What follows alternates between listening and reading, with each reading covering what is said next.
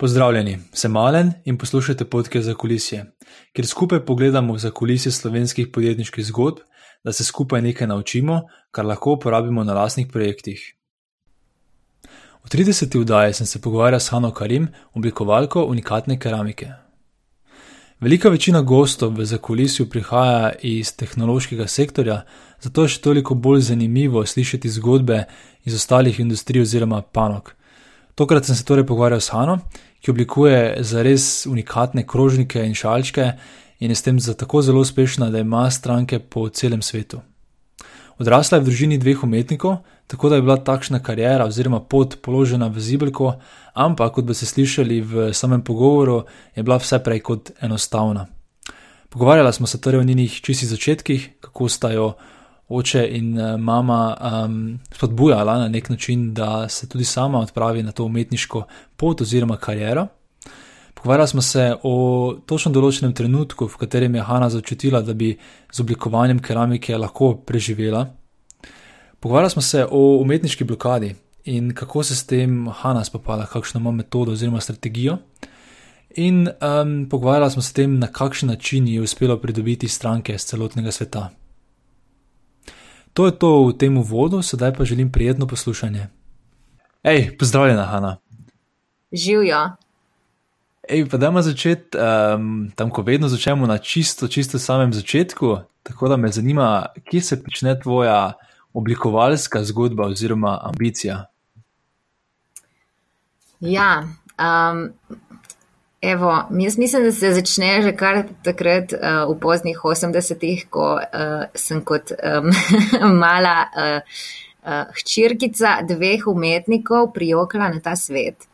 In um, nekako sta me mama in oče, um, tako mene in mojega uh, starejšega brata, že odnegdaj vzgajala v tem, da je um, umetnost in uh, biti kulturen nekaj popolnoma samoumevnega. In tudi pri nas doma smo temu primerno bili vedno obkroženi z ogromnenih umetnin in, uh, in, in, in ljudmi, tudi uh, umetniki, uh, ki so sodelovali z mojimi starši pri razno raznih dogodkih, razstavah in tako naprej. Jaz sem imela priliko potem uh, v bistvu srkavati uh, to um, ljubezen do lepega že od uh, samega začetka. In mislim, da um, seveda ne morem pozabiti omeniti tudi dejstva, da je uh, en velik del naše domače hiše, torej hiše mojih staršev, posvečen um, ravno ustvarjanju. In um, sem jaz bila v bistvu vedno, um, nekako sem imela vedno na razpolago. Čisto vsa orodja, čisto vse materijale, karkoli sem si zamislila, vse je šlo In glede na to, da je moja mama um, v bistvu uh, učiteljica oziroma profesorica likovne umetnosti, um, je krasna motivatorka in, in, in seveda pač na meni tudi uh, preizkusila marsikatero um, svojo uh, to tehniko poučevanja um, umetnosti. In, um, in tako je pač tu, v bistvu sem s tem rasla, jaz nisem nekako si tega zbrala um, na, na kakšno silo ali karkoli, ampak to je bilo meni popolnoma nekaj samoumevnega, pa tudi moče samo dejstvo, kako um, se da uh, s tem preživeti, pač meni dokaj, dokaj jasno, na kakšen način, kako je treba v bistvu haslet, ne, bom rekla. Um, tu sem zmeri gledala od majhnega, tako da evo, um, vredno je bilo res neizogibno, da bom pristala tu sama nekje v teh vodah. Mm -hmm. E, lahko mogoče deliš kakšno tehniko. Rekla si, da je tvoja mama imela zelo zanimive tehnike, na kak način te je spodbudila, da si ustvarjala, oziroma da te je naučila, kako ustvarjati. Vem, da sam nisem najbolj eh, oblikovalsko nadarjen, niti nikoli nisem užival najbolj v umetnosti. Mogoče del tega je tudi to, da nisem poznal pravih načinov, kako se tega lotiti. Škaj, jaz ti pa ne verjamem. Jaz mislim, da imamo vsi to v sebi. Okay. Uh, mislim, da je treba samo spodbuditi uh, to iz človeka. Tako da verjamem, da si tudi ti ustvarjalen in kreativen in bi znal, ki je lepega ustvariti. Sam um, potrebna je res ta prava spodbuda in ta prava motivacija. Jaz sem imela res to srečo, da sem, da sem imela v mami in očetu.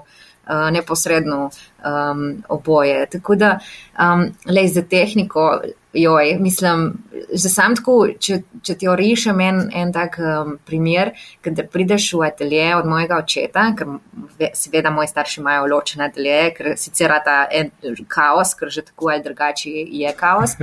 Um, Ker prideš uh, v atelje mojega očeta, je tam en, uh, ena taka bela stena, uh, ker je popackana, seveda, in, in sredi te stene je um, odtis moje rokice, uh, ki sem imela eno leto. No, in um, zraven um, pač piše uh, Hanna, um, tolk in tolk, ne, uh, stara. Um, v glavnem, v bistvu ni, da ni lahko se, pri nas je lahko marsikaj, uh, marsikatera tehnika se je izvajala uh, od. Um, od hline, že v bistvu, ker sem bila fulmičkana, um, ker je krasen medij za otroke, do um, kakšnih takih že mal bolj um, zapletenih uh, tehnik, ker so odtiskane grafike. Zato, ker na nek smešen način imamo pač tudi grafično prešo, ogromno grafično prešo, to je tak um, stroj, s katerim se v bistvu. Um, otiska, otiskuje grafike, torej grafične printe, uh, in tu imamo mi um, že je, mislim, da je starejši od mene, tisti, tista preša. In, in sem lahko pač izrezovala stvari, jih pač pobarvala z barvo in potem otiskovala na drugi papir. Vravnem, mislim, fulejnih, fulejnih stvari mi, mi je bilo položenih uh, praktično um, tako uh, v, v gazibelko. Mm -hmm. Sam ne, to ne pomeni, da se nisem um, vmes premislila in hotla biti nekaj drugega. Čeprav prva stvar, ki sem hotla biti, um, je bila, kar se spomnim, je, um, sem hotla biti kiparka. In poje je šlo pa eno veliko obdobje mojega življenja skozi, ker sem si želela biti um, novinarka oziroma radijska napovedovalka.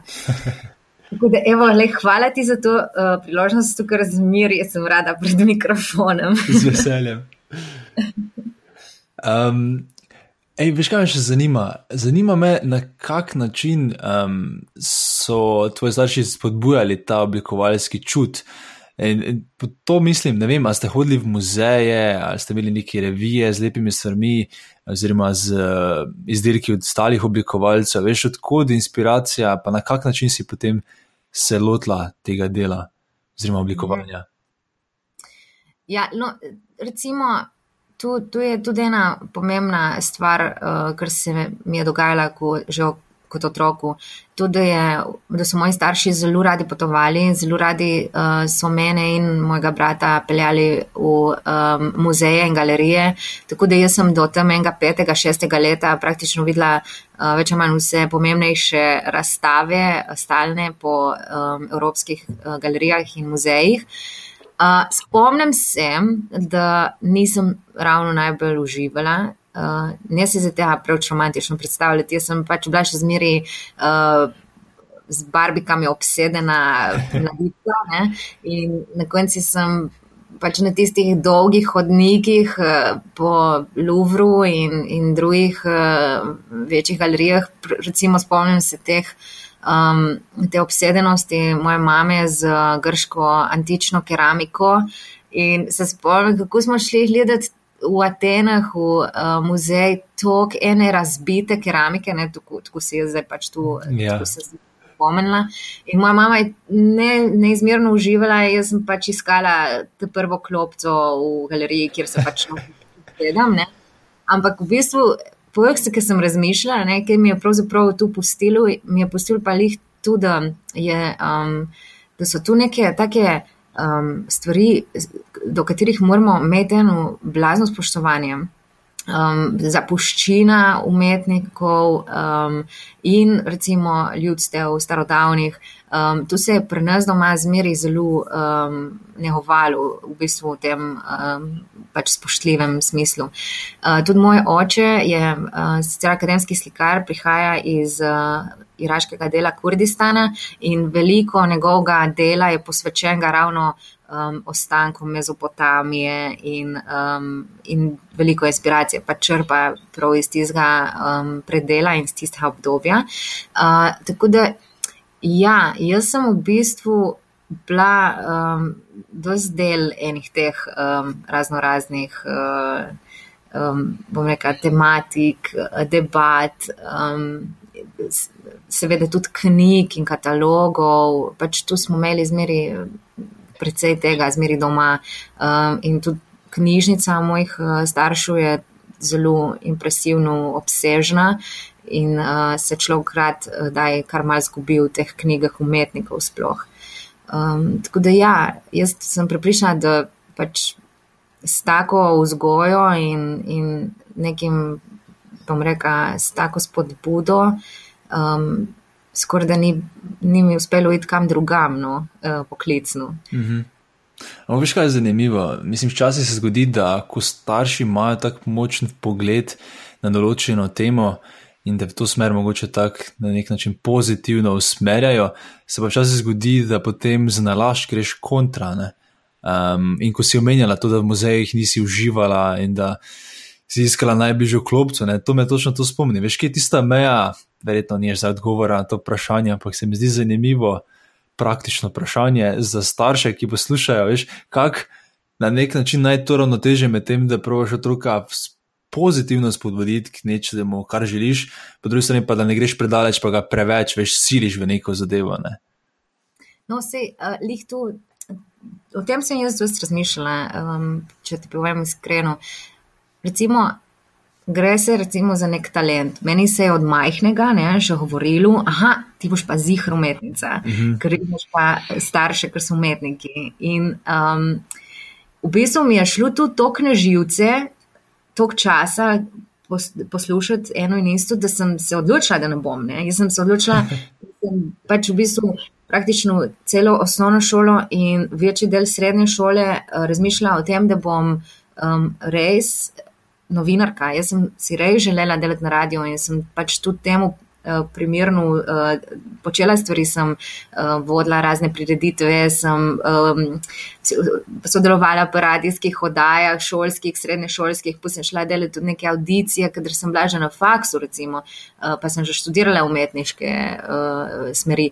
Um, tako da gre se po mojem bolj za neko ločnico um, talentov. Tu, tu je zdaj ena moja teorija. Uh mhm. -huh.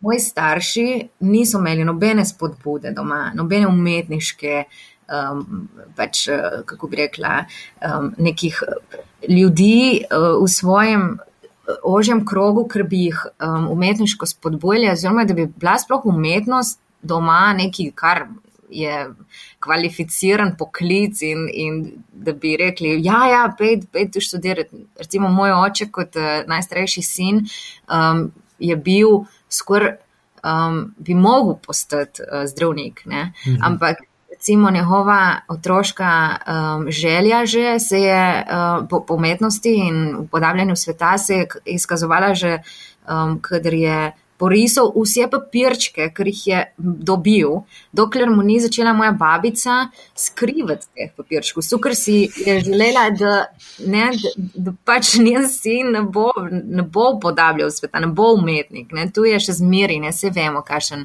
prizvok ima um, beseda ali pa poklic umetnik. Um, in podobno z mojo mamo, ker je odraščala na kmetiji in ni imela neke um, sploh neke um, motivacije zunanje, da, da, bo, da bo pač pristala v kakršnem koli ustvarjalnem, ustvarjalnem poklicu, ampak zato, ker je bila bolj bolehne narave, ne, je pač mogla iti v šole, ne, tako se je reklo uh, pri mojih uh, starih starših, in pokrat pač se je šla izobraževati in, in bila že odprej precej talentirana, mislim, zelo talentirana.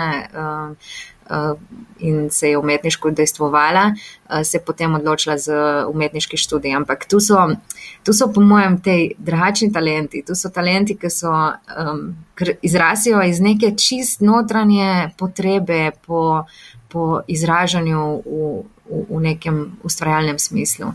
Um, tako da moj talent, um, če mu lahko temu, temu sploh rečem, talent, ne, je, bolj, je pa res nek tak. Um, v bistvu je produkt uh, tega, te, no, te moje vzgoje, ni pa nikoli bil pri nas, um, niti približno um, na noben način um, rečeno, da moram iti kaj takega študirati ali pa delati.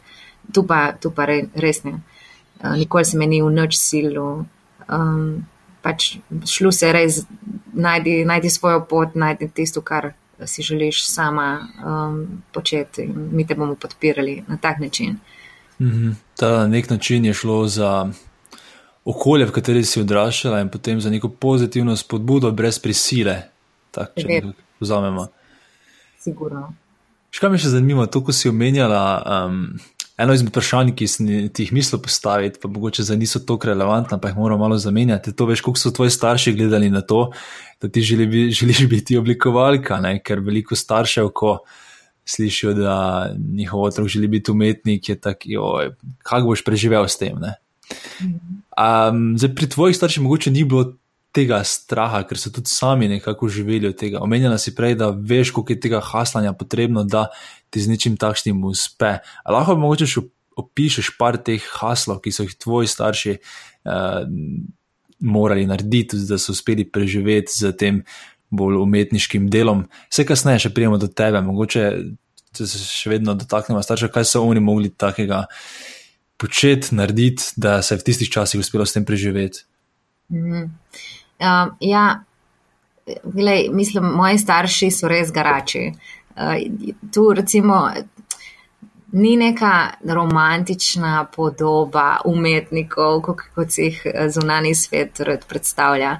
Um, tu ni zdaj, kot da boš ti pač neki čakal um, na neko inspiracijo. Ja, seveda, seveda, pač ustvarjanje ni brez uh, inspiracije, ampak zato, da lahko tu nekako um, pretopiš v, v, v preživetje, ne, um, je pač potrebno precej iznajdljivosti biti. Um, še, do, določene stvari še zmeri držijo in se niso ne spremenile, ampak recimo se povezovati, um, sodelovati pri uh, dogodkih, pri razstavah, poznati prave ljudi. Um, In tako naprej. Mislim, tu, tu so res take uh, stvari, ker so še zmeraj aktualne, zato da pač lahko z nekim umetniškim poklicom človek dostojno preživi. Uh, so pa moji starši do tega svojega časa uh, uložili tudi v dizajn, um, in se pravi v grafično oblikovanje, so bili kar nekaj časa uh, doma v um, razno raznih um, produktnih uh, izvedbah, idejah in tako naprej. Um, ni, ni bilo zmeri sam ustvarjanje v ateljeju. Atelje je v bistvu še vedno, se mi zdi, uh, da za mojega očeta Um, moj oče se je potem odločil, da bo opustil popolnoma grafično oblikovanje in da se bo začel uh, izključno s svojo umetnostjo um, ukvarjati. Um, in tu pač še zmeri pomeni, um, da dobiš ti idejo in za nek projekt tu pač pomeni lo še zmeri, ne vem, osem, deset ur dnevno uh, ustvarjati um, recimo neko instalacijo. Um, to so tudi dost fizično zelo zahtevne stvari. Mm -hmm. Recimo, če želiš narediti, ne vem, kako recimo moj oče je imel pred kratkim ravno neko idejo, kako bo v bistvu neko tako morje enih figur postavil po galerijskem prostoru, kar je pač pomenilo um, token enega dela, um, zato da pač delaš te figure vsak dan, jih um, potem moš nekem skladišči, pač fulje tudi ene logistike, uh, potem seveda je tukaj dosti povezovanja, um, kam boš zdaj tu postavil, v kire galerije, predvsem pač tujina je zmeri zanimiva in ne bi mogla biti zanimiva tudi uh, za uh, umetnike. Pač, ja, je zmeri bludo shaslanja in, in bo. Um, sem, ja, je pa tudi, po mojem, nek krasen poklic, glede na to, da, je, um, da si ga sam zbereš, da si, da si mislim, nisi prisiljen v to, ampak um, pač sam slediš nekemu svojemu notranjemu kompasu. -hmm. To mi je bilo zanimivo, ko si govorila o tem, da se ljudje predstavljajo, kako čakaš na inspiracijo, ne? ampak da je bolj na nek način tudi potrebno to delo dati notne. Me zanima, kako se ti kaj um, ukvarjaš, oziroma soočaš z, nekim, z neko umetniško blokado. A, to, a to sploh obstaja ali je to samo mit za ljudi, za ljudi ki dejansko ne jemljajo tega dovolj resno? Ne, ne. Uh, umetniška blokada je uh, še kako realna. In jaz sem um, včasih sem mal zaprepadena, kako se o takih stvareh ne govori več. Um, sem pred leti um, na to temo naredila prav eno mini raziskavico, da sem se, uh, tudi sama sem bila v enem takem obdobju takrat in, um, in sem šla malo raziskovati. Ja, je to ena taka tema, o kateri se očitno uh, se ne radi v neki pogovarjamo, uh, sploh ustvarjalci. Um, ampak se mi zdi, da je skoraj neizbežna za vse zga, kar je um, kolčkej uh, doma v kreativi. In Um, jaz sem se pač s tem že navadila živeti. Prvič, recimo, mi je bilo ne, neznosno hudo, zato ker je skoraj kriza identitete, oziroma je kriza identitete. Um, če se ti pač res identificiraš s tem, kar počneš, in pri umetnosti oziroma oblikovanju je pogosto tu. Um, in da po kar na eni točki um, v bistvu si ugotoviš, da si povedal, kar si imel zapovedati, in, in se izčrpaš. Um, je lahko res taka, tak brutalen moment uh, realnosti, kot kje bom pa zdaj in um, kam, kam gre loze od tukaj pot naprej. Ampak um, bistveno je, da zmeri nekako uh, veš, da boš prišel nazaj. Um, ne en način, ampak ne, ne na, um, aha, zdaj grem pa, ne vem, ležati na pod en pod en drev in čakati, da, me da preleti z neba ena inspiracija, ampak eh, pomembno je raziskovati in biti vedno uh, naprežen, ampak pomembno si je pa tudi vzeti čas um, brez ustvarjanja. Tu je, mislim, da um, ena recimo, stvar, ker uh, sem se jo morala tudi sama navaditi. Takrat, kadar sem se v bistvu pre.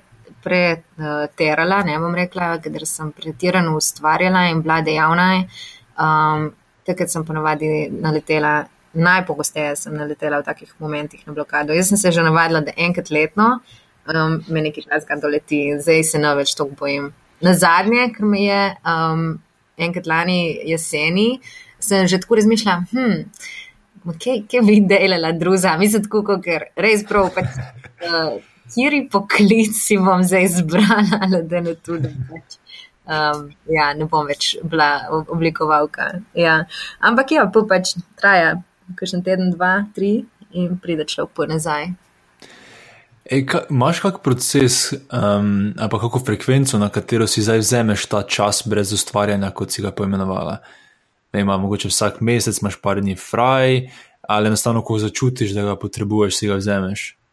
Ja, jaz mislim, da ni, ni, ne rabi biti neka frekvenca, je fajn, je, da poslušaš sebe, da vidiš, da je v bistvu ti um, že sama pač ta moč ti začne pojemati itak.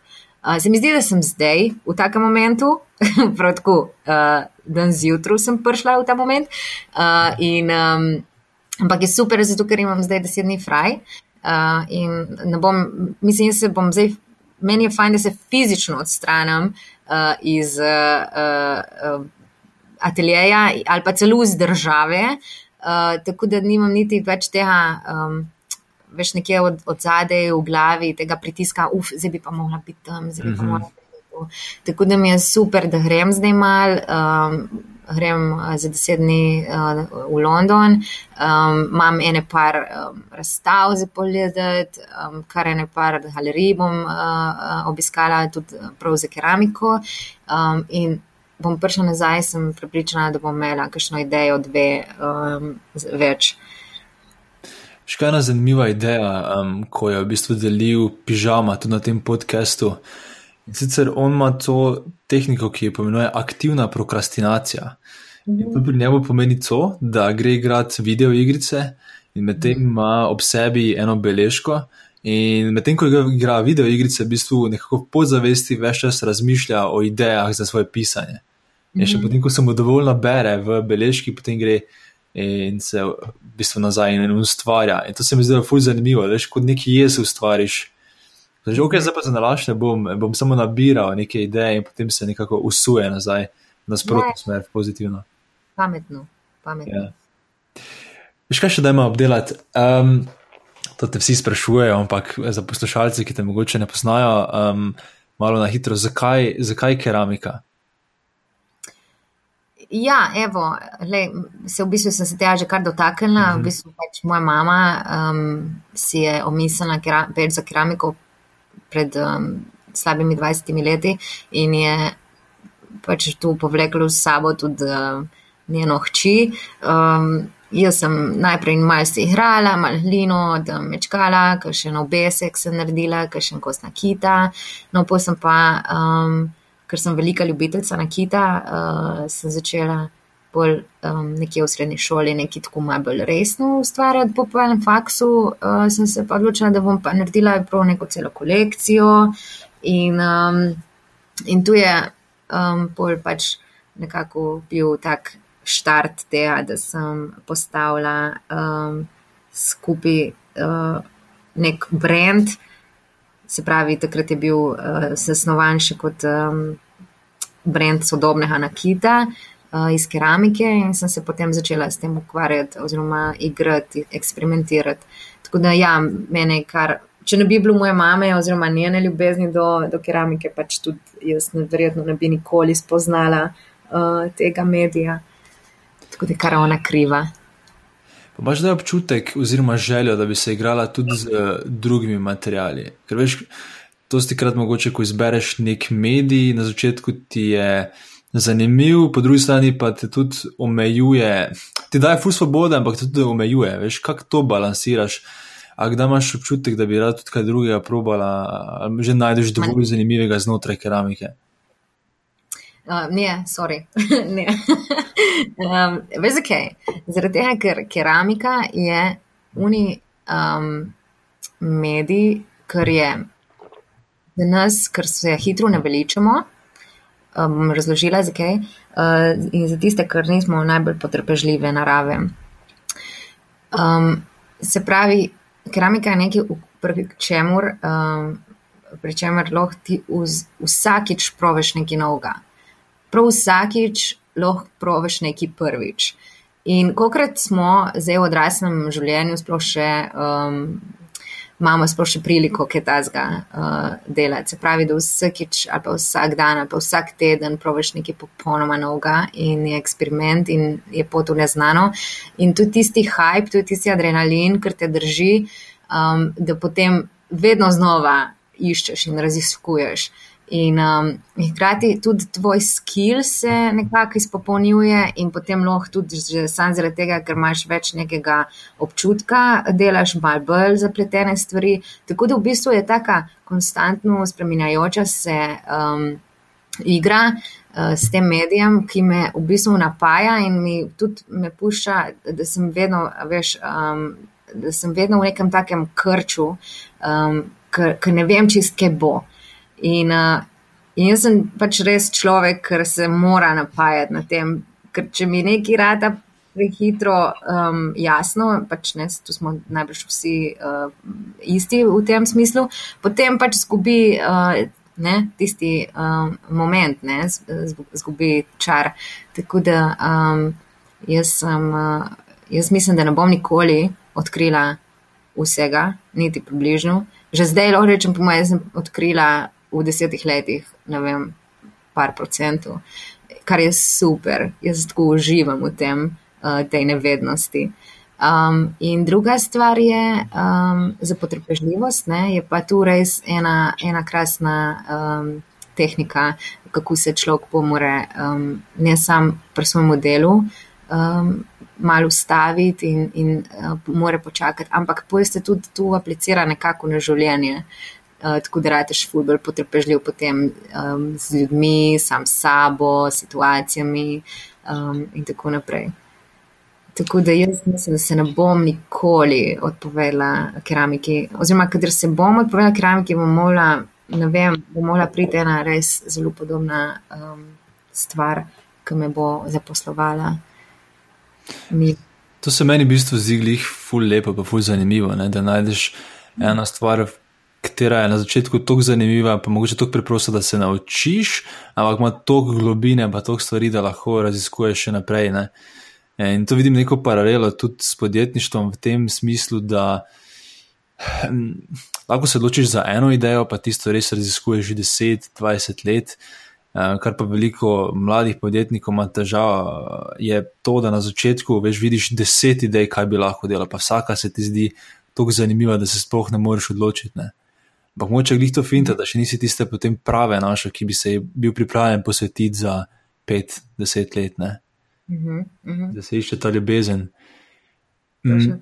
In ti praviš, da si začela z um, nakitom, um, potem pa se v določenem trenutku si dodala zraven še, kako ima temu rekla, lončarstvo. Uh, ja, nimamo neke. Um neke lepe uh, paralele v slovenščini. V angliškem jeziku se reče tableware, um, ampak lahko rečemo lončarstvo ali pa oblikovanje um, funkcionalne keramike, kakorkoli, ta je bolj tak vehementen, brezvezen. Ej, kje si začela, um, zdaj, če gremo v tvoj, rečemo, poslovni del tudi tega vsega? Um, oblikovanja in kako preživeti kot oblikovalec. Veš, me zanima, mogoče kje je bil čist um, začetek, kaj si uspela kot prvo prodati in komu mogoče. Od lončarstva misliš? Malo uh... nas tudi na kit. Če začnemo čisto na začetku tvoje zgodbe, ne? kje si mogoče prvič prodala neko svojo metnino in začutila, o, oh, tu je pa res mogoče lahko s tem preživela. Škaj, jaz sem uh, takrat ko sem začela uh, ustvarjati, um, itak so to najprej um, moje prijateljice nosile, pa mama, pa mamine prijateljice in tako naprej. Uh, tako da sem imela v bistvu ta user experience ne, najprej zelo že uh, um, proki. In potem, ker sem videla, um, da so recimo začele prijateljice od prijateljic sprašavati, moje prijateljice, ki so dobile, recimo, ta nekaj. Ne. Uh, Potem sem pa ugotovila, da, čakaj, ne moram pa narediti malo mal večjo količino ali pa, ali pa se še malo poigravati s to idejo um, in, in jo nekako lansirati na trg. In takrat je bil lih porast teh um, Facebook. Um, spletnih, uh, torej Facebook strani, mislim, so Facebook strani ravno prišle ven v enem takem zamahu uh, in smo začeli vsi na veliko objavljati svoje izdelke na Facebooku. In zdaj, če se spomnite malo iz tega obdobja, takrat je bilo res ogromno enih uh, ljudi, recimo, ne vem, Maja ustvarja pa. Um, ne vem, uh, nakitek, baj, ta in ta. Um, v glavnem, takrat se je um, fulen tak boom zgodil ven iz tega. Um, in je trajal kakšno leto, leto in pol. Um, in potem se je pa, se nas je obdržalo, pa sem res neki tistih, ker smo si pa res želeli ven iz tega nekaj narediti, ker smo res pač imeli še neko vizijo, ker smo. Uh, ker ni nam bil tu sam hobi, in več ali manj tisti, ki smo iz tega obdobja, obdržali smo zdaj vsi uh, še zmeraj aktivni in dejavni v ne, teh naših ustvarjalnih poklicih. Um, tako da takrat je Facebook ful, ful pomagal um, takim um, malim um, kako bi sploh, ne bi mogla reči, niti da smo bila, takrat nismo niti podjetja bili, ampak smo bili sam pač ena. Um, Eni, eni pač skupina ustvarjalcev, ker smo bili bolj lažje uh, videni. In tako so me opazile določene trgovine v Sloveniji, ker so želele potem prodajati moje stvari, um, in tako je potem šlo naprej. To pomeni kaj? Vem, da si slike produktov dala na Facebook uh, stran. In so ti ljudje, ki so pisali, je, jaz hočem to, a mi pošlješ. In si kaj prek, prek Facebooka, ker spremljala naročila, ali, ali kako je izgledalo? Mislim, jaz sem delala bolj na ta način, da sem se igrala s temi fotkami um, mojih izdelkov, uh, da sem jih fotkala pač, vem, na različne načine, uh, pa tudi, ne vem, ful sem imela rada um, pro take resne uh, fotoshootinge. Um, recimo, kader samo um, z enimi prijateljcmi še takrat uh, uh, so se ukvarjale z. Um, recimo ena je bila make-up artist, ena je bila bolj stilistka, ena je bila fotografinja. To smo bile vse, bom rekla, recimo študentke ne, um, na začetku um, in smo vse več ali manj se ukvarjale s temi stvarmi bolj ljubiteljsko. In pa smo se recimo, smo se zmeli, ok, da bomo pa naredili za mi en fotoshooting um, tega, ne vem, neke kolekcije moja nakita.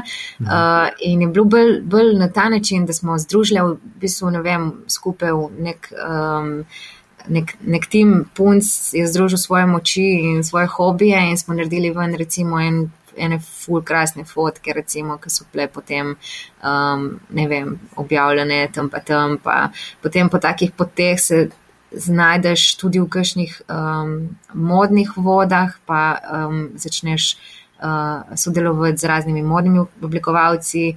Um, tako sem takrat dobila recimo par prilik, da sem z raznimi um, modnimi kreatorji uh, sodelovala pri njihovih uh, modnih revijah na Fashion Weekih. Tu so bile take mini kolaboracije, ki so potem pač ja, zrasle v, v nek biznis. Ja. Potem po teh modnih um, dogodkih so bili kakšni showroomi, kjer se je pač tu lahko prodajalo.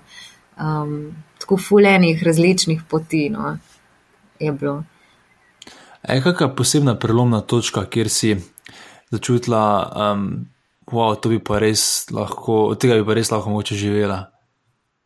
Um, ja, v bistvu, lej, po mojem, kadar sem, um, ja, evo, kadar sem odprla svoj online shop septembra 2016, um, tu je bila ideja. V katero jaz nisem čist neki ful bila prepričana ali pa neki verjela, da bo res uh, se um, prijela. Ampak sem spoznala Urško Pirjevec, uh, s katero še zmeraj sodelujem. Urška je uh, sicer fotografinja in um, si je ful želela um, pač delati na nekem brendu. V smislu nekega PR-ja ali pa brand, man, brand managementa. Jaz pač takrat res, jaz sem samo nekaj packala, ne, tako za foro. In, si, in je rekla, uh, jo, kje pa če bi ne imela ti svoj online shop in jaz sem tako, ja, to je fulenha dela, pa pomoč tu pošiljati, pa moš imeti. Uh, pa keramika je in se razbije, in, ja, in pač res um, se mi je zdel fulen tak. Uh, Ne vem, strel v neznano, sem, sem pač sledila uh, tej ideji in, in na koncu, v bistvu ta, tisti dan, prvi dan, kader je šop uh, se odprl, kader je bil launch, um, je bil odziv tok neverjeten, uh, da se spomnim, da sem si zvečer prav ena pelicona uh, odprla na balkoni. Wow, ok, mislim, moče pa iz tega lahko še kaj rada, mislim, pač moče bom pa iz tega enkrat lahko reči še preživela. In um, Mislim, bil res en tak moment, ja. prav, prav moment je bil. Ja. Kako si takrat dobila naročili? Samo tako za občutek, veš, koliko je to bilo dovolj, da si čutila, wow, ok, to pa mislim, res. Plus je zato, da mislim, da se je šop razprodal v um, roku par ur.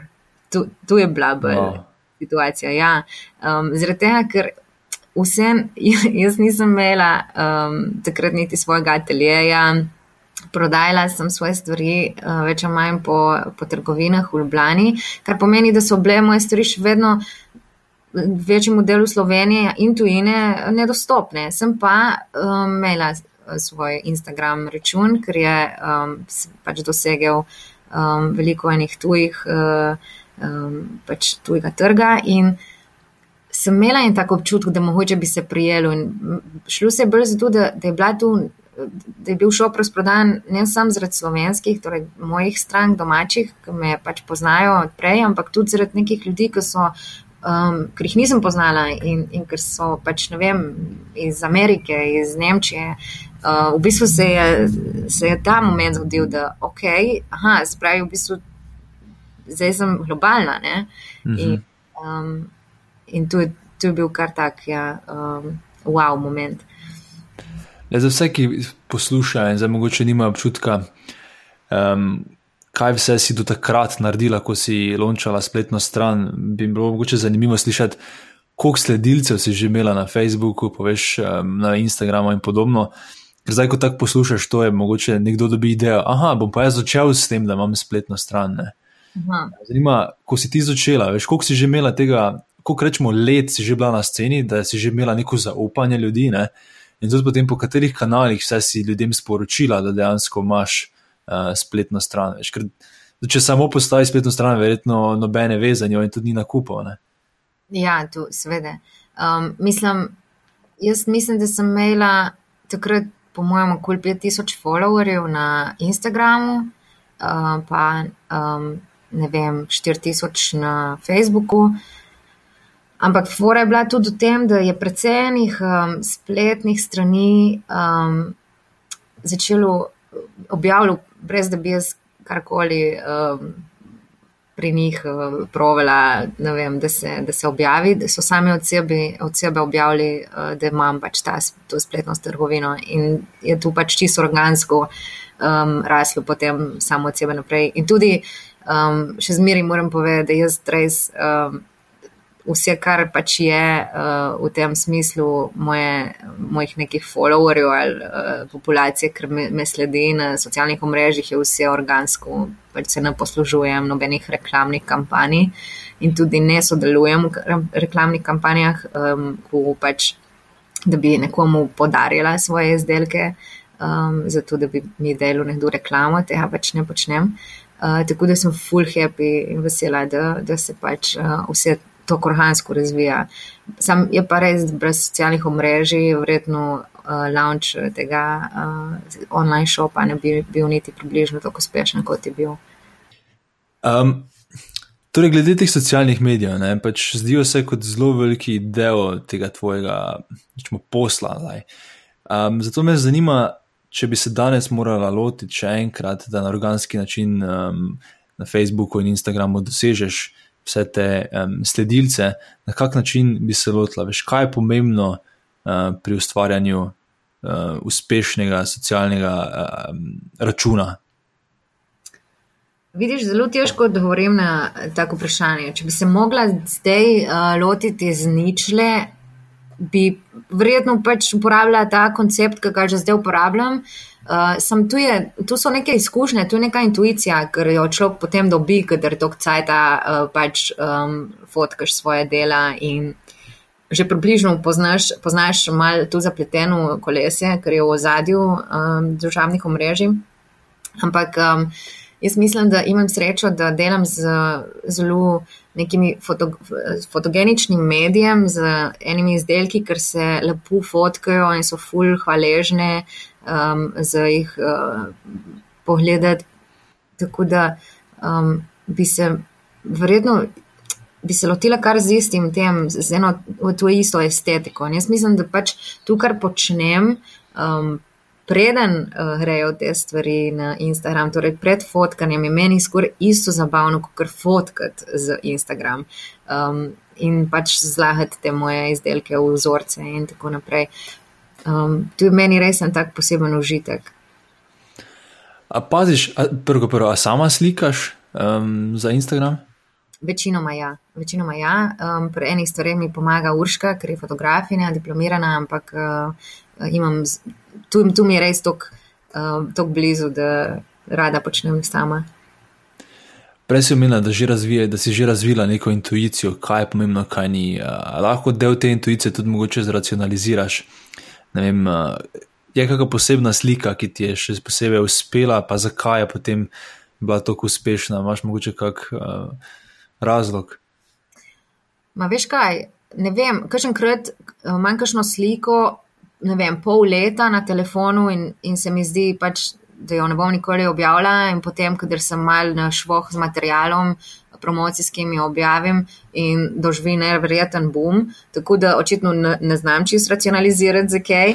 Ampak če že kaj vidim, uh, kadar recimo me objavljajo druge uh, Instagram strani, drugi Instagram profili, uh, lihtko moje, moje fotke fulštrlijo ven.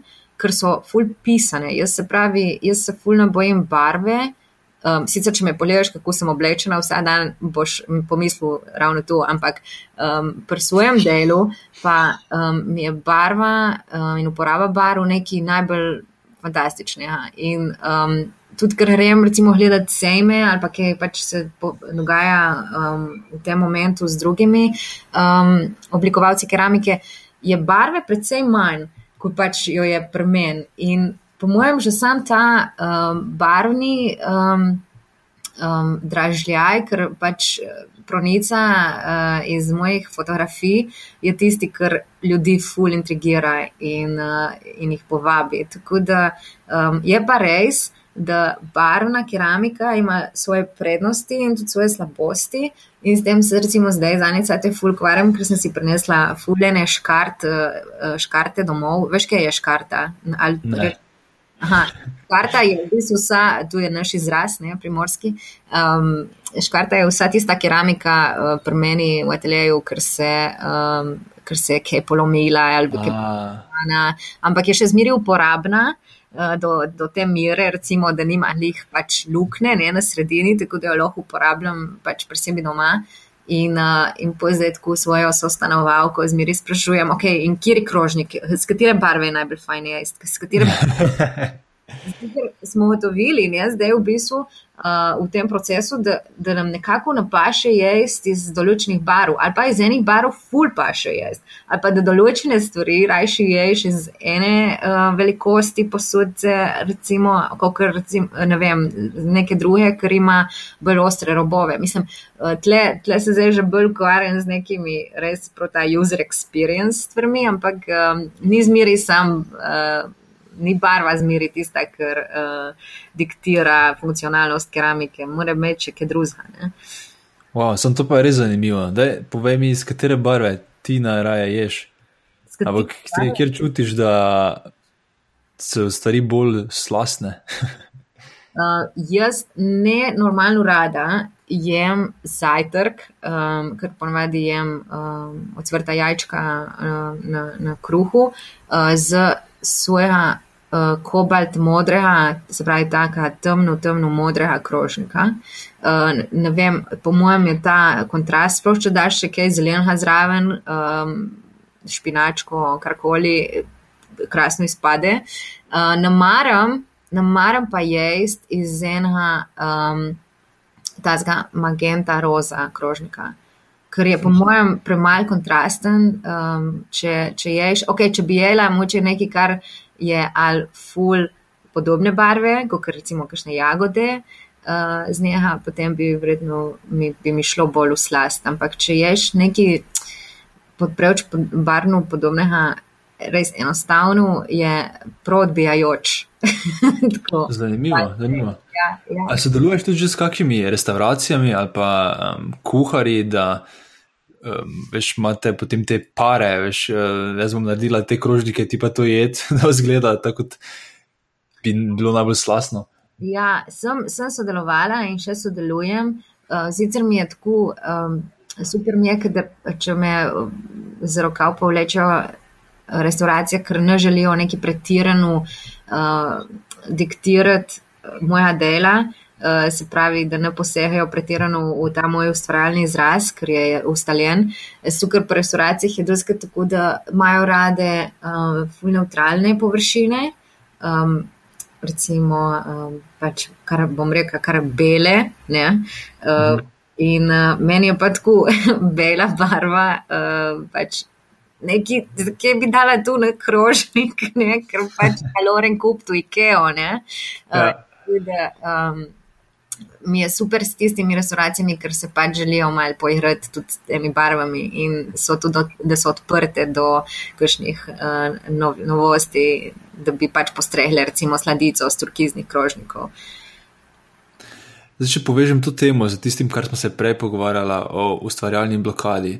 A se ti je zgodilo kdaj, da si dobila naročilo, um, pa si imela ravno takrat, ne vem, še neki rok, da moraš to narediti do nekega datuma, pa si imela ravno takrat to blokado. Mislim, um, tako ti povem, ta blokada, uh, kader je rok, je zmeri blokada. Mislim, uh, jaz tok ne morem delati na rok, tu, tu je nekaj neverjetna.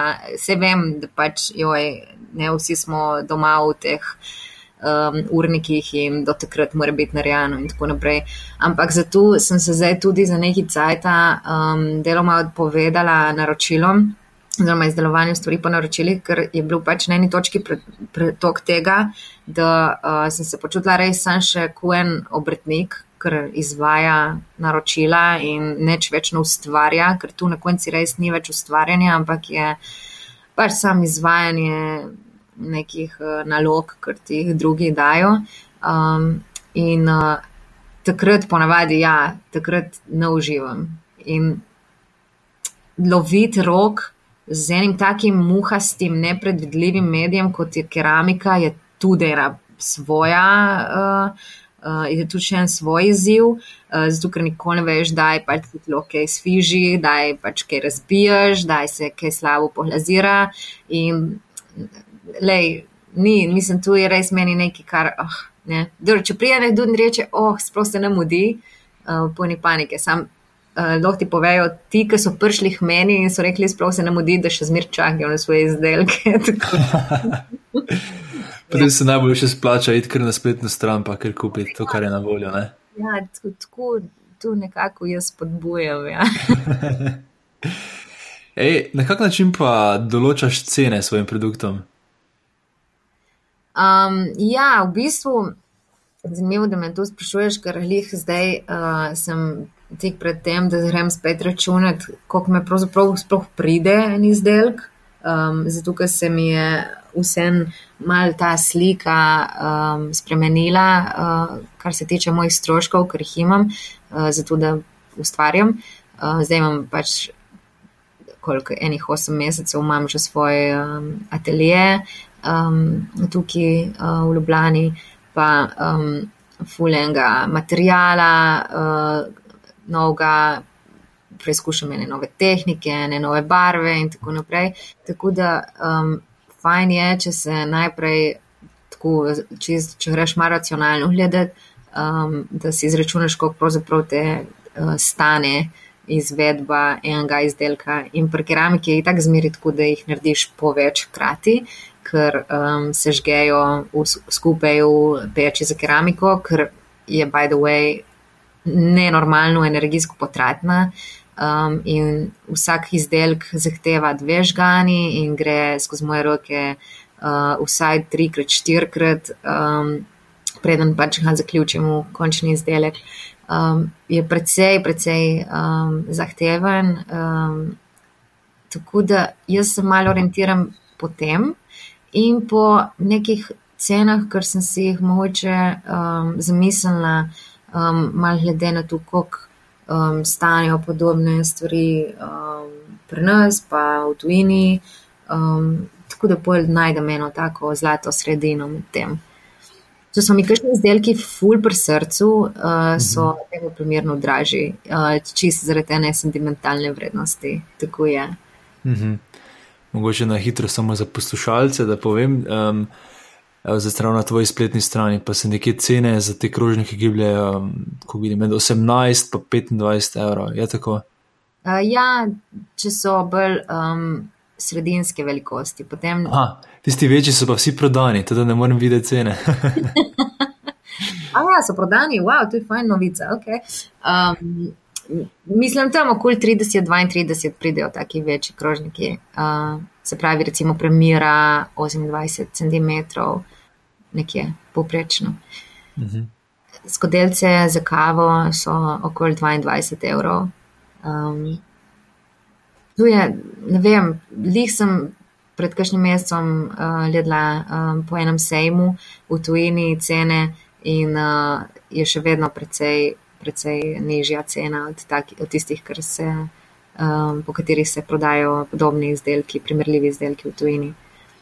Ja, se to sem želel komentirati, da se mi je vseeno, ko sem pogledal te cene, zdelo zelo um, affordable, oziroma po slovensko dosegljivo, oziroma dostopno cena. Um, Jaz mislim, da je in je kar, um, mislim, glede na to, da ljudje, kar kupijo en tak izdelek, ga kupijo tudi um, zaradi te svoje unikatnosti in neponovljivosti, se mi zdi, uh, da je cena precej dostopna. Ja. Hmm. E, na kak način pa um, potem pošlješ keramiko? Torej, imaš spletno stran in, kot si rekla, kupujejo ljudje iz celega sveta, tudi iz Amerike. Na kak način zagotoviš, da potem ta krožnik pride nepoškodovan na drugi konec sveta? Uh, ja, Lej, eh, tu je risk, eh, torej tveganje, ker se ga zavedam, že odkar pač imam spletno trgovino. Um, torej, na moji spletni trgovini lahko um, označiš, da prideš izdelek osebno prevzet um, v času odprtega ateljeja k meni, uh, loga pa torej pošljem po pošti. Um, zdaj, hecno, ki si omenil Lih Ameriko, recimo dva tedna nazaj sem pošiljala na isti dan dva paketa. Uh, en je šel dejansko v Ljubljano, en je šel pa v, um, v Ameriko. Um, skledica, ker je šla v Ljubljano, se je razbila uh, in je bila poslana dejansko z plačilom, dodatnim plačilom, s pazljivejšim ravnanjem. Um, tisti paket za Ameriko je bil pač poslan, uh, kar se da pač zaščiten in uh, zapakiran. Tako da, se, da je vse preživelo, in je vse preživelo. Uh, tako da take stvari so očitno neizogibne, uh, se pač zgodijo, se dogajajo. Um, tukaj imamo pravka z medijem, ker je lomljiv in se hitro poškoduje, sploh če vem, paket zleti z ene višine um, na tla, uh, se pač stvari zelo vredno razbijajo. Um, jaz tukaj skoraj da nimam, uh, nimam kaj, sem dovila, da pač nek vzorc, ki ga zdaj že uporabljamo pri pakiranju, um, je trenutno, kot je, je najbolj, um, najbolj zagotavlja, da bojo stvari prišle nedotaknjene, ampak niti, niti jaz ne morem vplivati na to, kaj bojo pravzaprav počeli s tem uh, dostavljalci in uh, umestne službe. Uh, tako da, če se slučajno kje razbije, uh, ponavadi ponudim ali da naredim uh, podoben izdelek, ali pa pač da um, dobi ta oseba um, kot nek darilni bon, s katerim potem lahko kupi um, nove izdelke, kater se ji kaj dopade. A to pomeni, da tudi v Sloveniji ti morajo ljudje plačati vnaprej, ker mislim, da v Sloveniji še vedno obstaja ta, da je kar popularno, da plačajo po povzetju. Ja, tega jaz nimam imam vedno po, plačilo po predračunu oziroma prek PayPala in potem, ko um, se um, stroške pravnajo, potem gre paket ponavadi na pošto. Ponavadi pravim zato, ker um, sem imela ravno zdaj en primer ene gospe v Avstriji, ker um, sem ji paket poslala, preden uh, je pač račun poravnala in račun ni bil nikoli poravnan. Pač kaj tečem narediti, ne? Gospa je ja. ukradla pač krožnike, ne, ne bom rekel, da tako, se mal hecam. Um, sem prepričana, da je pač prišlo sam do kakšne uh, težave, ampak tako po, po enem, dveh mesecih v bistvu ne, se človek pomal um, zrajta, ne. Ojej, uh, če bi pač vsi tako počeli, ne bi, uh, jaz ne bi mogla plačavati uh, položnic, ne. Prej si omenjala, v bistvu, da si imela dosta strahov, prednji si začela spletno stranjo, kot je to glede plačil, pa tudi pošiljanja in podobno. Ampak zdaj, če potegneš črto, um, bi rekla, da se ti splača. Ne? Ja, definitivno. Um, Fulje je fajn, ker je na ta način keramika res globalno dostopna. In, um, in se tu ful pozna, sploh zaradi tega, ker je um, tudi moj Instagram postal v zadnjem času ful bolj. Um, širše zanimiv in si ljudje iz vem, razno raznih koncev uh, sveta želijo potem imeti kakšen kos um, moje keramike in jaz imam to opcijo, da si jo lahko izberejo in, in jo zapakiram in pošljem. Tako da recimo, da sem full vesela, ker prvič pošiljam en paket v Avstralijo, uh, mhm. sicer pošljina je potem ogromna, sam sem vesela, da enih ljudi očitno to sploh ne moti. Ker recimo mene osebno ne bi me uh, zmotilo, če je recimo vsebina paketa skoraj isto vredna kot poštnina, ampak ja. Tako je. Mhm. Mislim, en razlog, zakaj sem se jaz tudi želel preseliti iz Slovenije, ko sem bil še študent, je bil tudi ta, te omejitve, ki sem jih imel pri razmišljanju, pri podjetništvu, ker sem vedno razmišljal, a kot študent in b kot um, nekdo rečemo z slovenskim razpoložljivim dohodkom. Ne? In ko enkrat greš ne, v Nemčijo, Ameriko in, in te močnejše trge, ja. v bistvu vidiš tudi, kako se potrošniške navade in razmišljanje glede cen spremenijo. Ne? In da ene stvari, tudi mogoče v tvoji ceni se to izraža, da si v Sloveniji locirana. Mhm. Uh, ker nekdo, ki je bil v Avstraliji, bi drugače razmišljal, ker tudi drugače on kot potrošnik razmišlja. Ne? Ja, tu, tu je res, sam. Um, jaz še zmeri vidim prednost v tem. Jaz mislim, da pač ustvarjati, meni ustvarjati v Sloveniji je um, prijetno. fajn mi je pa tudi, ker moramo um, omeniti tle na tem mestu, da jaz uh, en velik del svojega časa posvečam poučevanju uh, keramike um, in temu um, zaradi tega prirejam delavnice keramike oziroma um, oblikovanja hand-build keramike v svojem ateljeju štirikrat mesečno. Uh, in tukaj vidim, kako je pravzaprav res ta naš trg, uh, kako se odpira, kako, kako mi je v bistvu krasno sodelovati in delati z ljudmi, uh, ki se želijo s tem medijem srečati prvič, uh, ki želijo nekaj ustvarjati. Uh, mi je imeti v bistvu tle v, uh, v Ljubljani atelje neki. Um, nekaj zelo fantastičnega. In tudi zaradi tega, ker se v bistvu um, že sam Ljubljana, ko v mestu ne, ne normalno odpira uh, v, v zadnjih letih. Um, in se tudi, se mi zdi, mentaliteta spremenja um, in so ljudje zmer bolj za kakšne fore, pa da, da se udeležijo mm -hmm. takih stvari, ker so, jim, so se jim že prej zdele mal. Um, ne vem, bedaste ali pa ne tako zanimive. Tako da um, Meni, meni je super, meni je Ljubljana, mi je v bistvu krasna. Bom rekel tako, meni je v bistvu Pražakova ulica v Ljubljani krasna, zato ker živim in delam na eni in isti ulici, kar pomeni, da večino svojega časa preživim sam na relaciji 50 metrov. Tako da mislim, da Ljubljana je tudi lepa. Um, sam, nažalost, uh, jo gledam na ulici. Ne, se to se pa ful strinjam. Mislim, da če ti uspeš živeti v Sloveniji, ampak imeti posel tudi uh, v tujini. Mislim, da okay, se Slovenija se tudi odpira, ampak še posebej, če lahko imaš dostop do globalnega trga iz Slovenije, je pa kvaliteta življenja res zelo, zelo visoka. Ne? Jaz mislim, tudi, jaz mislim tudi, da je tako. In uh, meni je, recimo, iti zdaj skozi Ljubljano um, in primerjati tu, ker sem šla kot študentka pred. Ja. Recimo desetimi leti, nekaj popolnoma, kot ja. je tudi v drugem mestu in ima čist drugo uh, vibrantnost.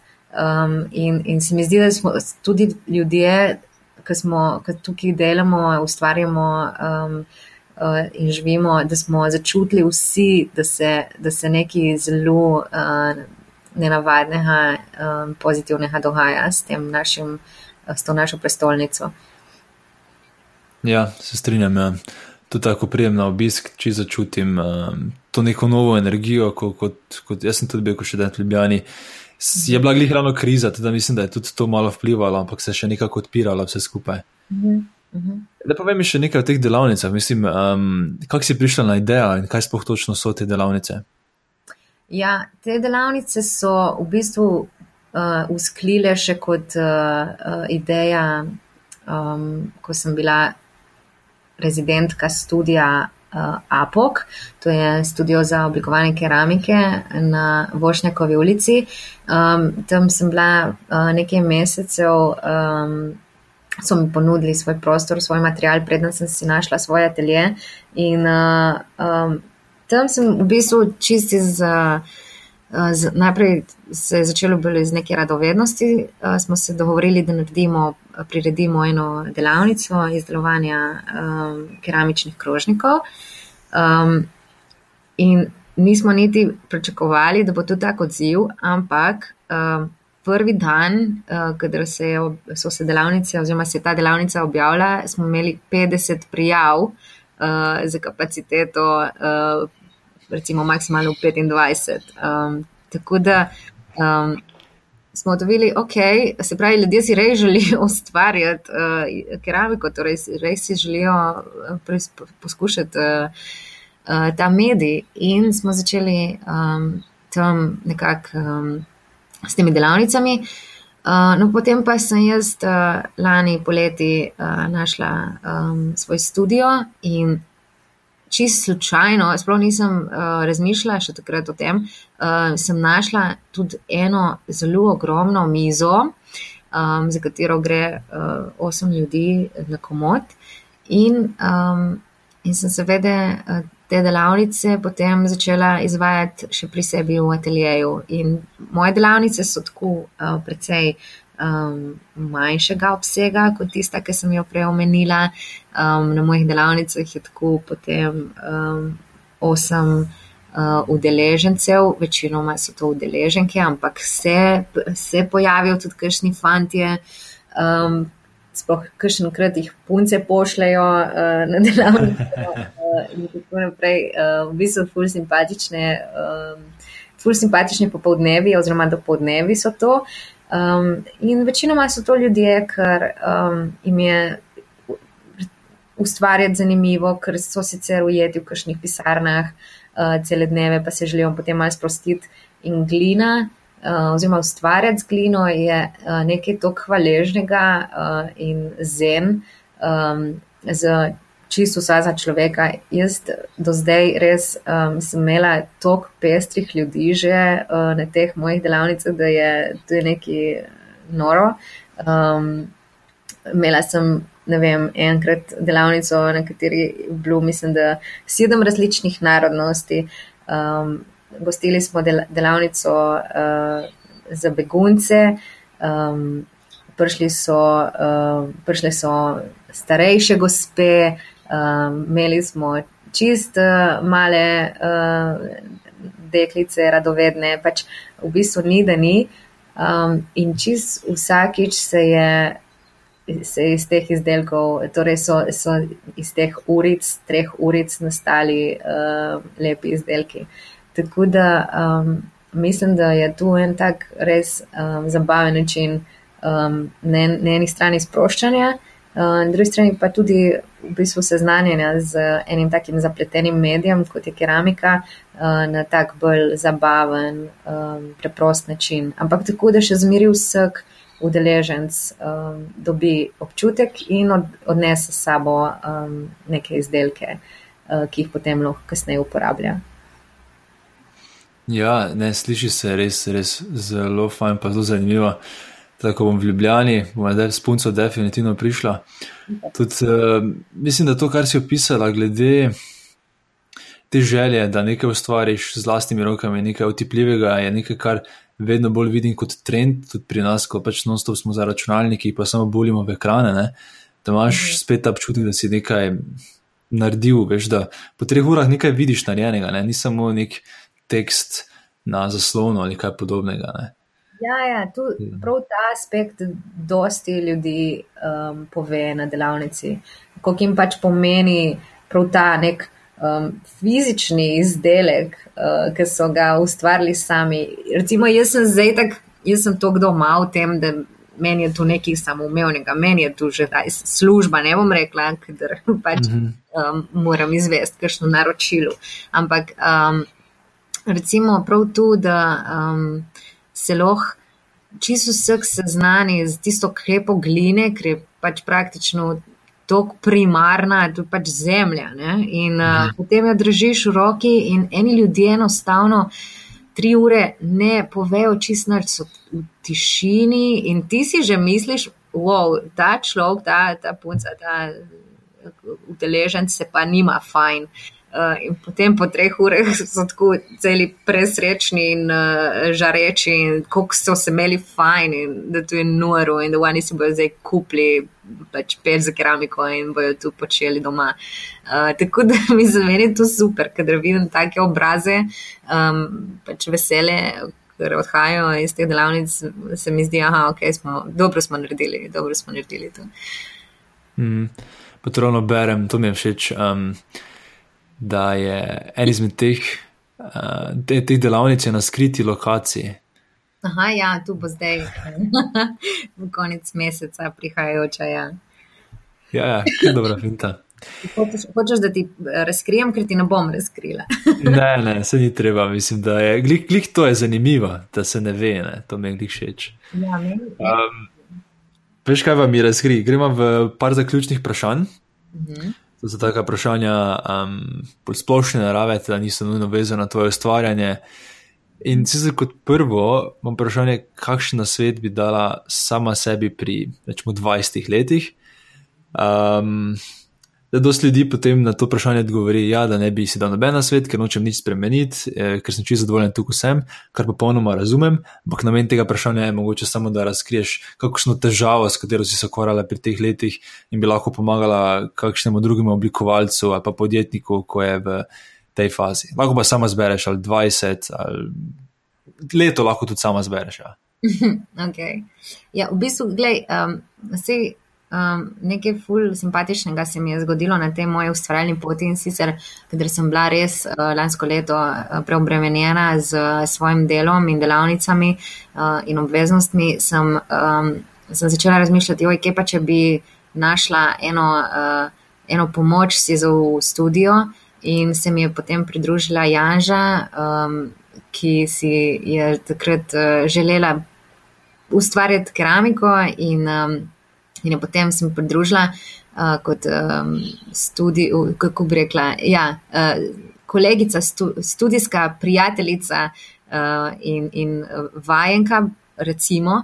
Um, in recimo vidim, koliko je. Um, Koliko je enih stvari, enih pasti, s katerimi pa se človek na začetku ustvarjalne poti sreča, in um, jih ne more v bistvu niti, recimo, tudi če sem jaz zdaj v poziciji nekega mentorja, um, pač človek ne more uh, jih zaobiti, brez um, da, bi, da bi bil pač sam iznajdljiv in brez neke kilometrine.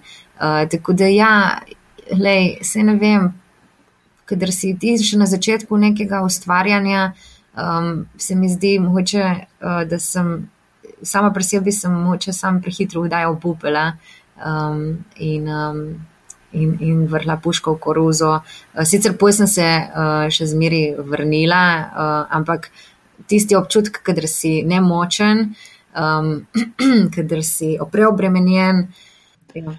Torej, kader si preobremenjen s svojim um, delom, kader ne veš točno, kam ponesti to, uh, to svoje izražanje, um, uh, kadar si želiš biti full originalen na silo. To so take stvari, ker potem vidiš, da um, z leti in z izkušnjami, da so v bistvu um, take brez.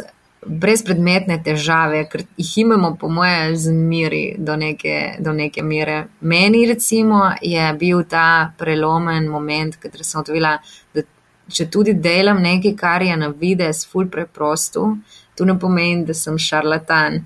Uh, Kot se zdaj tu smešno sliši, ampak jaz sem se s tem res full časa ukvarjala um, na tej svoji ustvarjalni poti.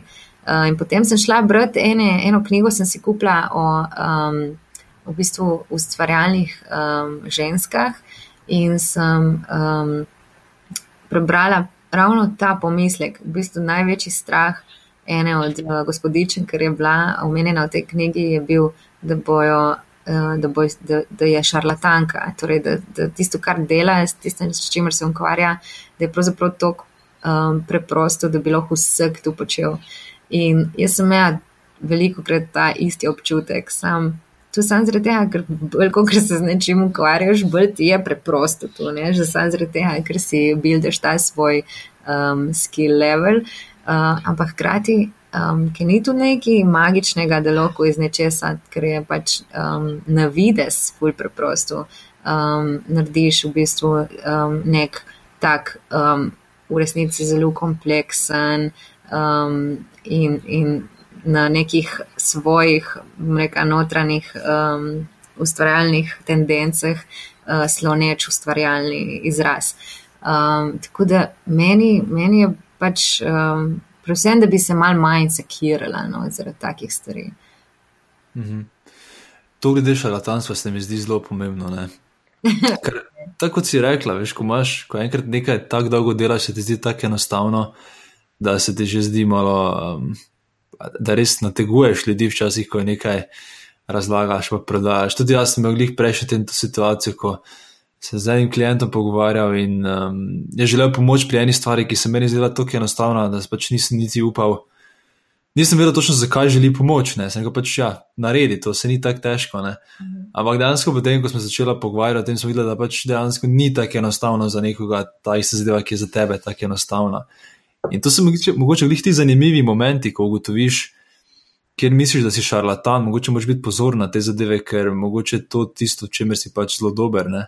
Ja, tu je ena stvar. Druga stvar je pa, da mislim, da v kreativi bo zmeri fulenga blefa. Ne? In tega mm fake it, tudi v make it, razmišljanja. Ne? In um, recimo, um, dokler ne vem, se, se vidiš sam po nekih uh, Instagram objavah, loh. Uh, dokler se neka stvar lepo fotka in je uh, lepo vid, to, to še ne pomeni, da je v resnici tudi uh, pač uporabna in uh, služi svojemu namenu. Tako da um, je super, če si, um, če daj mal tako, stopiš en korak nazaj uh, in, in se res pogledaš, ovrednotiš svoje delo, ali pa pustiš, da ga ovrednoti nekdo, ker mu res zaupaš. Recimo, jaz imam res to srečo, da um, imam pač svojo mamo, ker mi služi doskrat kot ena taka um, kritična uh, celica. Uh, Ker vem, da mi noče ne slaba, ker mi pove kritiko. Um, in če jo vprašam za njeno mnenje, bo mi, mi bo zmer povedala um, z tehničnega stališča, z likovnega stališča, um, prednosti, slabosti in, in uh, tako naprej. Uh, se veš, da v tem svetu, ne, kamor bolj um, začnemo, um, recimo, um, sploh pri meni, uh, ker sem tako dejavna na teh socialnih omrežjih, se človek zelo hitro zgubi v hvali in komentarjih, in uh, pač uh, ni, ni to lahko pol um, narediti tega um, koraka nazaj in reči, da okay, zdaj, zdaj bi pa v bistvu mogla začeti delati nekaj drugega, um, izboljšati to, izboljšati tisto. Um, pomembno je res, da si zmer želiš um, novih stvari, da si zmer želiš uh, raziskovati, da si radoveden, da ohraniš to radovednost zmeri. Mm -hmm. E, prej si še omenila, da je ena težava tudi to, da si probiš biti ustvarjalen na silo. Kako prepoznaš, če želiš biti ustvarjalen na silo in da, kako prepoznaš, kdaj prije naravno? Jaz imam prav en občutek, eh, ker je drugačen, um, kader ustvarjam um, iz ene čisto osebne notranje tendence. Tu je, nažalost, bom rekel, da so tu zdaj. Um, so redki momenti, ampak um, mislim, redki momenti, ne pridejo tako pogosto, kot te drugi. Tisto ustvarjanje na silo se pri meni manifestira bolj iz tega, aha, zdaj bi pa mogoče naredila. Um, Kot nek, da grem, moče malo pogledati po svojih preteklih uh, uh, izdelkih, pa si rečem, da tega bi pa zdaj moče tehnično nadgradila s tem in drugim. Um, so popajni momenti, ker so tako res taki eureka momenti, uh, kader delaš moče neki uh, polnoma tretjega in ti rata, ti ne, neki se ti, ne vem, utrne neka ideja in, in jo greš probet in testiraš in funkcionira. In tu so te, um, tu je tu tako res pure um, ustvarjanje. Sam je fulje, fulje pomembno, v kakšnem, v kakšnem uh, um, bom rekel, cel, cela ta schema. Uh, cela pozicija, v kateri se uh, nahajaš, mora biti um, harmonična, zato da pride do tega momenta. In sploh, če si pod kakšnim stresom ali pa da te kakšni roki lovijo v takih momentih, um, je skoraj ne mogoče priti uh, do tega, do te inspiracije čiste. Mm. Zdaj, mislim, da tri ali štiri podprašanja postavljate, da bom, bom zdaj gremo za naslednjo temo, oziroma temo, na predzadnje vprašanje. Mm. In sicer zanima me, um, iz katerih virov ti rečemo, se učiš um, in dobivaš inspiracijo za svoje delo. Prej si omenjal podcaste, spletne strani, knjige, karkoli pride na misel. Ja, podcasti so mi res ful pri srcu um, in sicer res zelo rada poslušam um, zgodbe razno raznih oblikovalcev in oblikovalk, predvsem oblikovalk. Uh, ful mi je fajn slišati, uh, kako pač uh, stvari, um, razne ideje, uh, tudi če niso ustvarjalne, uh, kako usklijajo, kako pač pride, iz česa pridejo, kako se začnejo, uh, tako from the scratch. In um, tu mi je, mislim, poslušati um, izpovedi, um, ker vključujejo tudi uspone in pace. Um, mi je res super, ker se ful poistovetim in lahko ful apliciram potem um, svojo zgodbo um, na njih. Uh, tako da poslušam res rada uh, Clever podcast um, na. Um, uh, pardon, pač, ja, Clever podcast, pika. Uh, yeah. uh, drugače pa, uh, kaj še. Um, ja, gledaj, jaz sem itak pač konstantno sem podvržena um, pač iskanju nekih, um, nekih dogodkov, nekih uh, vznemirljivih uh, umetnikov. Um, pač v bistvu ni, ni rečeno, da mora, biti, uh, kar, da mora imeti karkoli zveze z um, umetnostjo, pač lahko je tu. Um, Popolnoma nekaj poljudnega, pač to, to, da mi širi obzorja, um, in ne vem, kdaj je res dovolj, že sam tu, da, da grem obiskati uh, malo tujino, da se malo odklopim, da vidim, začutim kaj noga, je tu že uh, čist dovolj. Um, Drugače, kaj še? Uh, knjige, zadnje čase uh, biram večinoma uh, na temo estetike. Uh, me zanima v bistvu ta filozofska plat uh, estetike in um, zakaj pač nam je nekaj lepo, zakaj nam nekaj ni um, tako uh, uh, lepo. V bistvu um, s tem se zadnji čas ukvarjam. Kaj si me še vprašal? Filme, filme rada gledam. Ja. Pač v bistvu, ja, lej, vse več uh, pretirano, ne navadne. Pač to, da mhm. človek uh, se mal, um, da je odpotuješ tudi malo v mislih nekam kar ni bolj uh, tvoja služba, oziroma tisto, s čimer se pač vsak dan soočaš. Tako. Ej, najlepša ti hvala, Hanna, za tvoj čas, te zanimive odgovore, zgodbice. Um, zdaj, kot zadnje vprašanje, bi samo um, ti dal priložnost, da poveš vsem poslušalcem, ki želijo več um, se naučiti o tvojih produktih, o tebi, tvoji zgodbi, kje vse te lahko najdejo. Ok, hvala, Alen, tudi tebi hvala res za to priliko. Jaz upam, da sem uh, uspešno odpravila svojo, svoj premjerni nastop v podkastu. Definitivno. Če ti smem sem še eno skrivno zaupati, uh, sva z Janžo v ateljeju razmišljali prav o tem, da bi mogoče naredili ateljejski podcast, uh, tako da mogoče se v prihodnosti še kaj uh, nadejaš, da se še kaj slišimo. Um, Sicer. Definitivno, jaz sem ti hotel tudi predlagati, glede na to, da si rekla, da si želela biti radijska špikerka, da je to v bistvu, ker bi bila priložnost, da še da to zadevo sprobaš. Bi lahko združili, ne? nekako. Ja. Um, v glavnem, tisti, ki si pa želite še kaj uh, več o meni izvedeti, uh, vas vabim, da si ogledate mojo spletno stran um, www.hana-karim.com potem seveda Instagram profil, um, ki, uh, kjer me najdete na Hanna A. Karimam, torej uh, dvakrat ponovim uh, zadnji dve črki imena in primka. Um, sicer pa, uh, ja, Facebook page je Hanna Karim Design, to bo to. Drugo pa jaz mislim, da sva še kar izčrpno pokrila v tem pogovoru, se ti ne zdi? Ne, se mi zdi, se mi zdi. Mi dosti krat pišejo ljudje, da so to eni najdaljših podcastov, ki jih poslušajo. Da um, naj se ustavim tu nekje pri 90 minuti. Teda, mislim, da smo vse izčrpali. Um, res porite na spletno stran, da je res zelo, zelo čudoviti krožniki. Um, to priporočam.